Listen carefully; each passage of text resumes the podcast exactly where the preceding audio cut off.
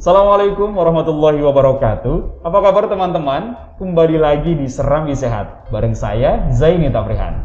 Kali ini saya masih ditemani oleh Dr. Oci Halo. dan Dr. Adib di sebelah kiri saya. Assalamualaikum. Nah, ini hari ini teman-teman kita akan membahas sesuatu yang dulu pernah jadi kontroversi. Nah, apa itu vaksin di Indonesia? Kita bicara tentang perkembangan vaksin di Indonesia nih, Dr. Oci, Dr. Ya. Adib. Eh, beberapa waktu yang lalu nih, ketika gelombang pertama, kontroversi vaksin itu cukup tinggi nih eh, isunya Ya, ya. di Indonesia. Apalagi eh, vaksin AstraZeneca di gelombang pertama itu ada kontroversi nih gitu. Nah, kira-kira eh, gimana nih dari eh, dokter eh, Adib menjelaskan tentang kontroversi terkait AstraZeneca yang baru datang lagi nih lagi, gitu. Ya. Ya, jadi memang kalau kita bicara vaksin, Mm-mm. ya, karena vaksin ini kan di dalam satu proses perkembangan, apalagi ini ada akselerasi terkait dengan masalah perkembangan vaksin. Oke. Seperti halnya pada saat sebelum mulai ada Sinovac gitu, Oke. masyarakat masih banyak yang belum memahami dan jujur bagi kami pun di profesi kesehatan Mhm. kita juga belum banyak memahami karena ini ada satu, ini virus baru. Virus baru. karakter daripada virus pun juga kita belum tahu Baik. secara secara detail gitu. Hmm. Tapi di dalam perkembangannya kita sudah mulai ya sedikit memahami terkait dengan masalah karakter virus. Oke. Kemudian terkait dengan vaksin juga. Hmm. Nah, dasar yang harus kita pegang sebenarnya untuk kita bicara vaksin itu adalah masalah efficacy, Oke. safety. Mhm. Nah, dua hal itu.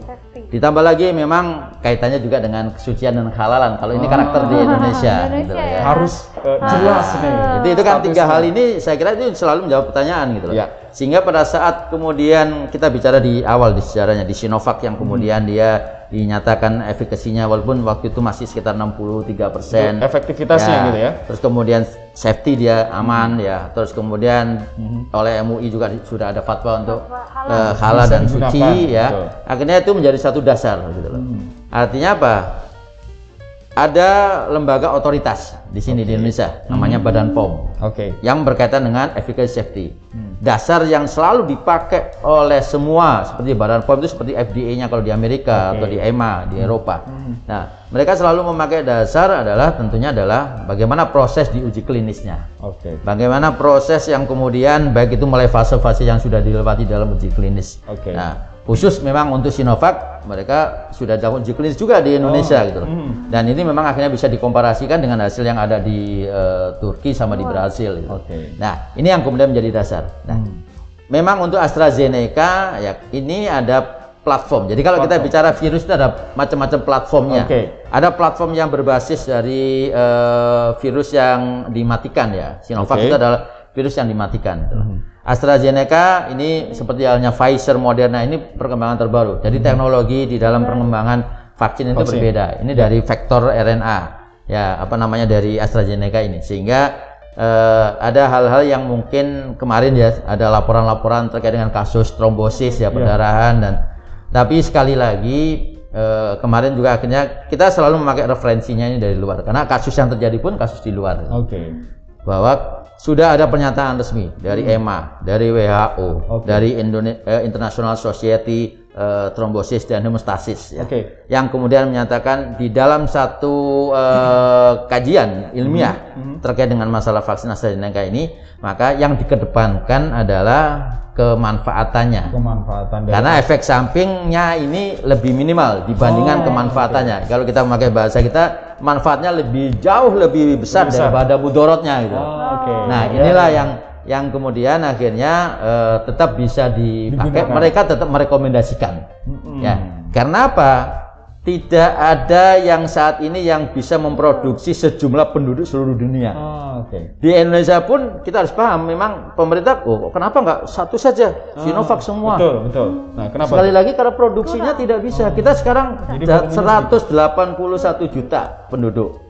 Kemampuan dari eh, Sinovac terbatas Oke. dan mereka pun juga tidak hanya untuk di Indonesia saja kan. Oh, jadi ada da- negara-negara lain Negara juga yang lain itu. gitu loh. Betul. Jadi kenapa juga dari awal dulu kan sempat ada kontroversi. Kok kita belum tahu efektivitas vaksin kita udah beli? Sudah beli aja. Ah, Nah, betul, betul, betul. kayak ijon dulu ya. Ah. Padahal itu sebenarnya apa? Itu adalah secure dose. Ah, oke. Yang dilakukan bukan hanya Indonesia, semua, negara melakukan. Karena apa? Kalau tidak dilakukan dari awal atau pre-order atau secure dose dari awal, Indonesia nggak pernah akan dapat vaksin. Jadi harus PO dulu. Memang harus PO Lebih gitu. awal. Nah, cuman memang tetap di dalam perkembangannya kan sebelum masuk sebelum dipakai oleh masyarakat tetap Betul. harus memperhatikan efficacy, safety. Nah. Dan juga yang kemarin sempat juga jadi kontroversi di AstraZeneca mengenai kehalalan dan kesuciannya Nah. juga. Nah, tapi sekali lagi kembali dasar dari fatwa. Jadi kalau MUI sudah menyatakan fatwanya Hmm. Oke. untuk, untuk dibolehkan, saya kira itu sudah menjadi dasar gitu loh Nah. bagi kita. Jadi eh, kontroversinya sebenarnya sudah melandai ini Eh, Ya. karena sudah ada Udah statement dari Ya. Ulama Indonesia ini boleh kok dipakai karena dalam kondisi darurat gitu Betul, ya, betul. darurat kesehatan. Tapi pertanyaannya adalah ini yang sering ditanyakan oleh masyarakat kita, yang sudah divaksin masih banyak yang kena kok. Iya dong. Ya. Nah, ini gimana nih? Ya, jadi memang gini. Eh, ini selalu juga menjadi diskusi kita. Mm-mm. Dan sekali lagi, vaksin ini tidak kemudian akhirnya membentengin kita, kita tidak akan terkena Oke. COVID. Itu tidak ada. Tapi Oke. vaksin ini akan apa namanya melindungi diri kita sehingga Oke. kalaupun kita terkena, Mhm. maka kita tidak dalam kondisi yang sakit berat. Oh, oke. Ya.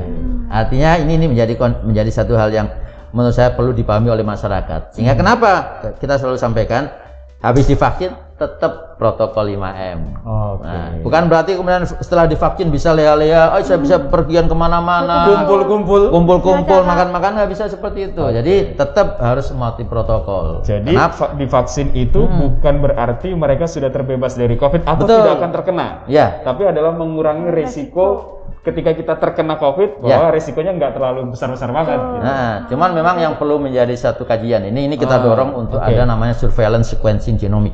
Oke. Karena berkaitan dengan mutasi pada virus ya. Hmm. Kalau kita bicara tadi vaksin, ada vaksin ini berkaitan dengan efficacy safety. Mhm. Kemudian ada beberapa vaksin pertanyaannya dari masyarakat, kalau vaksin ini kira-kira dengan mutasi virus seperti apa? Ah, Nah, memang sampai sekarang mutasi virus itu lebih bersifat dia virulensinya Oke. lebih tinggi. Jadi gampang sekali menular. Hmm. Nah, klinisnya apakah dia itu memperberat? Memang belum ada data referensinya. Oke. Artinya kalau kena yang virus, mamanya sekarang yang dari India, apakah dia akan jauh lebih berat daripada yang sebelumnya? Itu belum ada. Tapi paling tidak lebih menular.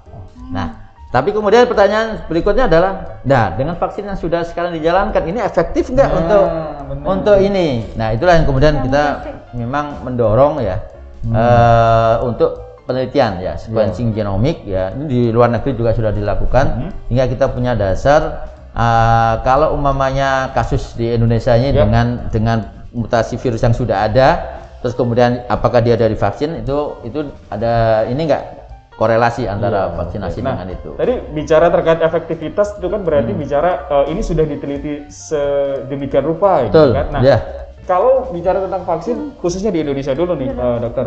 Perkembangan vaksin di Indonesia ini, eh, kita bicara dari penelitiannya dulu. ya Penelitian vaksin di Indonesia ini terkait efektivitas vaksin yang digunakan itu sudah sejauh mana? Atau misalnya Indonesia bisa nih ngeluarin vaksin sendiri? Gitu.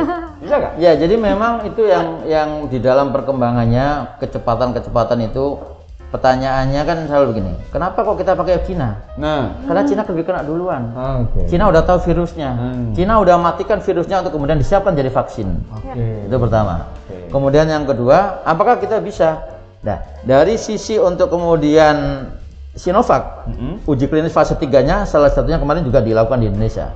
Dengan mengambil sampel 1900 yang Jawa Barat kemarin yang Pak ya? Pak Pak Gubernur juga ikut gitu. Ya. Nah, itu itu satu kondisi uji klinis yang juga dilakukan di Indonesia dengan Sinovac. Mm-mm. Memang AstraZeneca tidak, tapi kita bisa memakai referensi. Artinya Badan POM memakai referensi yang dari luar negeri. Oke. Nah, apakah kita juga harus mem- bisa membuat itu? Nah, saat ini kan sekarang sedang dilakukan vaksin merah putih. Oh, Artinya tetap semuanya itu kita do- kita dorong. Artinya pemerintah juga mendorong, tapi tetap harus melalui kaidah saintifik Oke. ilmiahnya. Uji klinis fase 1, fase 2, fase 3 gitu. Jadi tidak se- sekedar mengeluarkan produk, Nah. Indonesia juga bisa nih melakukan vaksin, tapi Betul. efektivitas Tetap kemudian itu cara harus- harus pengujian diperhatikan. ilmuannya juga harus di di Karena kita juga. berhubungan apa yang akan kita berikan kepada manusia. Benar. Jadi dampak yang bisa terjadi manusia, baik itu dampak positif atau negatifnya juga harus benar-benar kita perhitungkan dengan matang. Baik. Tapi dok penelitian terkait apakah yang divaksin itu ada jumlahnya kak?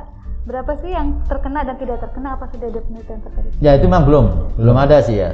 Cuman memang ada kalau kita mau lebih telusuri lebih lanjut, Jadi di dalam fase pembentukan antibodi Mhm. itu dia fasenya akan masuk ke dalam fase pembentukan antibodi setelah suntikan kedua. Oh, oke. Kapan itu bisa muncul antibodinya? Hari ke-28. Hari ke-20. Itu itu itu dalam teori ini teori ya. Oke. Hari ke-28 setelah suntikan kedua. Mhm. Artinya kalau mamanya suntikan pertama, saya udah disuntik vaksin berapa kali? Baru satu kali. Terus dia terpapar dengan orang COVID, ya bisa kena COVID. Oke. Saya udah suntik dok dua kali. Terus saya ketemu satu minggu, kemudian ketemu sama orang yang Oke. COVID, bisa terpapar? Bisa. Hmm. Karena belum ada antibodinya ke dalam tubuh kita. Betul, gitu. betul, betul. Nah ini yang ini yang kemudian eh, hari ke-28 itulah kemudian ada perlindungan di dalam diri kita sehingga Hmm. tapi bukan berarti setelah hari ke-28 kita jadi bebas tidak ya tetap mematuhi ya. protokol lima Jadi tadi. protokolnya tetap digunakan. Tetap harus digunakan. Nah, mungkin eh, teman-teman juga perlu perlu tahu nih, kira-kira perkembangan vaksin di Indonesia sejak awal vaksin masuk di Indonesia Hmm. ini sudah berapa dosis yang diberikan kepada masyarakat Eh, dan respon masyarakat terkait Yeah. vaksinasi di Indonesia itu kayak gimana sih gitu? Ini Yeah. menarik juga nih kayaknya. Ya, jadi memang di awal memang kan eh, diprioritaskan untuk nakes ya. Jujur, Nakes, jujur oke. di awal eh, yang paling paling apa istilahnya kritis terhadap masalah vaksin ini adalah kelompok dari nakes juga. gitu.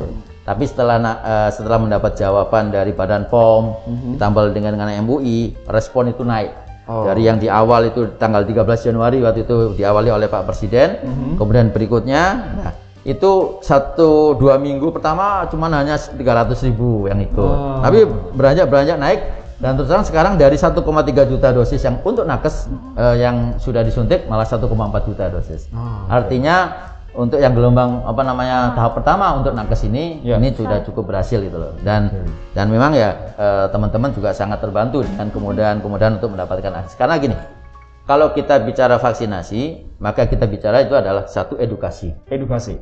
Oke. bahwa tadi edukasi terkait dengan efikasi safety ini harus disampaikan juga kepada Hmm. masyarakat termasuk yang infodemik ya Oh, hoax iya, betul. hoax terkait dengan vaksin ini Betul, harus di- diberikan eh, istilahnya counter issue juga yang Betul. yang baik yang bagus juga yang benar gitu. Hmm. Nah dari situ kemudian kita bicara sekarang adalah ketersediaan vaksinnya. Oke. Iya. ya. Cukup atau enggak? cukup atau tidak dan terdistribusi atau tidak? Nah, ya. Karena kalau kita lihat sekarang Jakarta responnya sangat luar biasa. Tapi di daerah kita belum di daerah tahu. yang lain belum. Gitu loh. Jadi ini ini yang hal-hal ini yang kemudian kita harus sampaikan termasuk juga nanti selain bicara ketersediaan, distribusi, kesiapan SDM. Nah, Nah, kesiapan SDM sebagai tim vaksinator ini juga juga penting gitu. Betul. Nah, inilah yang kemudian eh, kita harus sampaikan sehingga target memang saat ini kalau tidak salah kemarin disampaikan baru 17 juta dosis. 17 juta Lansia masih belum mencapai target ya. Oke. Lansia belum sih belum mencapai target ya karena mungkin juga ada fase bulan puasa karena walaupun puasa tidak mempengaruhi sebenarnya, cuman masih ada kekhawatiran ya. Ya, Tapi inilah yang kemudian saya kira eh, tetap kita harus sampaikan ya eh, terutama kepada jadi masih ada kekhawatiran dari para lansia masih ada kekhawatiran eh, terkait dengan pemberian vaksinasinya itu. Tapi yang penting sebetulnya kalau vaksin di apalagi dijalankan di bulan Ramadan sudah ada keterangan juga kan dari Iya dari MUI pun Indonesia juga ada. Boleh-boleh saja gitu Iya. ini dalam kondisi darurat. Karena memang sebenarnya kalau kita bicara vaksinasi di dalam teori, ya, kalau ini ini ini saya eh, menyampaikan apa yang disampaikan oleh pakar ya terkait dengan vaksin. Kontraindikasi absolut sebenarnya tidak ada. Oh. Oh. Jadi artinya semuanya boleh, tapi tentunya Semuanya ada beberapa hal yang perlu diperhatikan kondisi kasus-kasus tertentu. Kayak contoh Oke. di vaksin AstraZeneca kemarin teman-teman dari penimbunan penyakit dalam juga memberikan satu rekomendasi pada kasus-kasus eh, orang yang punya riwayat pemakaian obat pembekuan darah. Hmm. punya riwayat trombosis, dan nanti konsultasi dulu, mungkin ke Oh. dokter jantungnya atau dokter penyakit ya. dalamnya, apakah kemudian boleh. Nah ini ini sebuah kondisi yang istilahnya itu bukan kontraindikasi, tapi special precaution. Oh. Nah, itu yang harus dipahami. Gitu. Jadi eh, Perhatian khusus. Nah, perhatian khusus. Jadi ketika orang eh, jadi tidak semuanya eh, dengan penyakit tertentu itu bisa divaksin di seketika gitu ya. Pasti ada Ya, ada kondisi-kondisi ada rekam tertentu. medisnya dulu Ada gitu. kondisi tertentu kadang-kadang oh ini jangan divaksin dulu nih karena ada Ya. penyakit bawaan misalnya. Tensi se- di atas 180. Ah. Ntar dulu nunggu tensinya Waduh. turun. Itu Nah. antara kepalanya lagi pusing atau dompetnya yang kosong. Darah tingginya naik gitu ya. Nah, eh, saya mau ke dokter Aci. Dokter Aci ini kan eh, juga sebagai tenaga kesehatan. Nah, Ya. kira-kira ada nggak sih dok tenaga kesehatan kita yang takut juga divaksin? Eh, bukan takut divaksin kali ya. Tapi Sebenarnya kami beberapa tenaga kesehatan itu malah ada beberapa yang nggak pernah disuntik gitu. Ya, ya. Oh, Iya, nah, ini kita banyak yang viral di ini nih, di Instagram tapi- juga banyak Tapi nih. nggak pernah nggak pernah disuntik sendiri. Semuanya saya karena Oh, banyak kan oke. di manajemen kan sudah puluhan tahun tidak praktek, Mhm. tentunya eh, tidak pernah menyuntik lagi dong. Oh. Ya. Apalagi terus disuntik gitu pasti Dokter ada- juga manusia, takut Dokter suntik juga. Iya, Betul, ketakutan betul. seperti itu sih. tapi kami biasanya sih kita eh, ataupun dokter yang melakukan vaksinasi Mhm. akan memberikan edukasi apalagi kita kan yang tahap pertama menerima Iya. itu kami sadar bahwa apa yang kami lakukan Mhm. itu pastinya berdampak pada masyarakat kalau kami tenaga kesehatan saja menolak Iya. bagaimana Kan mereka masyarakat mencontoh kan? lagi kan? Betul. Nah, betul. Betul. Apalagi dan sebenarnya juga itu adalah resiko di kita karena Ya. saya walaupun di manajemen kan tetap beraktivitas ya Betul. beraktivitas di fasilitas kesehatan jadi apakah dia pelaksana ataupun di manajemen tetap diprioritaskan untuk mendapatkan Oh, vaksin. Oke. Jadi tapi kalau edukasi tetap berjalan ya, Dok? Ya, Untuk jadi eh, kita juga bersama dengan pemerintah ya. Mhm. Di daerah juga teman-teman ID dokter, teman-teman perawat terutama. Jadi Iya. teman ID perawat IB ini kan termasuk yang tim vaksinator itu. Betul. Kita eh, selalu ru- apa namanya ikut di dalam edukasi-edukasi kepada masyarakat gitu. Baik. Nah, kalau Dokter Adib sudah divaksin berapa kali? Saya udah dua kali. Dua Dokter, kali dong. Dua kali. Saya belum sama sekali. Jadi mudah-mudahan setelah uh, obrolan ini saya dapat uh, apa kuota vaksin dari kedua dokter ini ya. Satu dari Dokter Adib, yang kedua Dokter Oci. Ya. Nah, uh, teman-teman semuanya, uh, obrolan tentang perkembangan vaksin di Indonesia uh, cukup lengkap karena kita langsung mendapatkan informasi dari Dokter Adib yang memang sudah menjadi pelaku di lapangan, tahu kondisinya. Pada intinya sih vaksin yang digalakkan oleh pemerintah aman dan mudah-mudahan para masyarakat Indonesia mau untuk divaksin untuk mencegah penularan COVID-19. Terima kasih sudah menyaksikan Serambi Sehat. Saya Zaini Tafrihan. Assalamualaikum warahmatullahi wabarakatuh. Waalaikumsalam.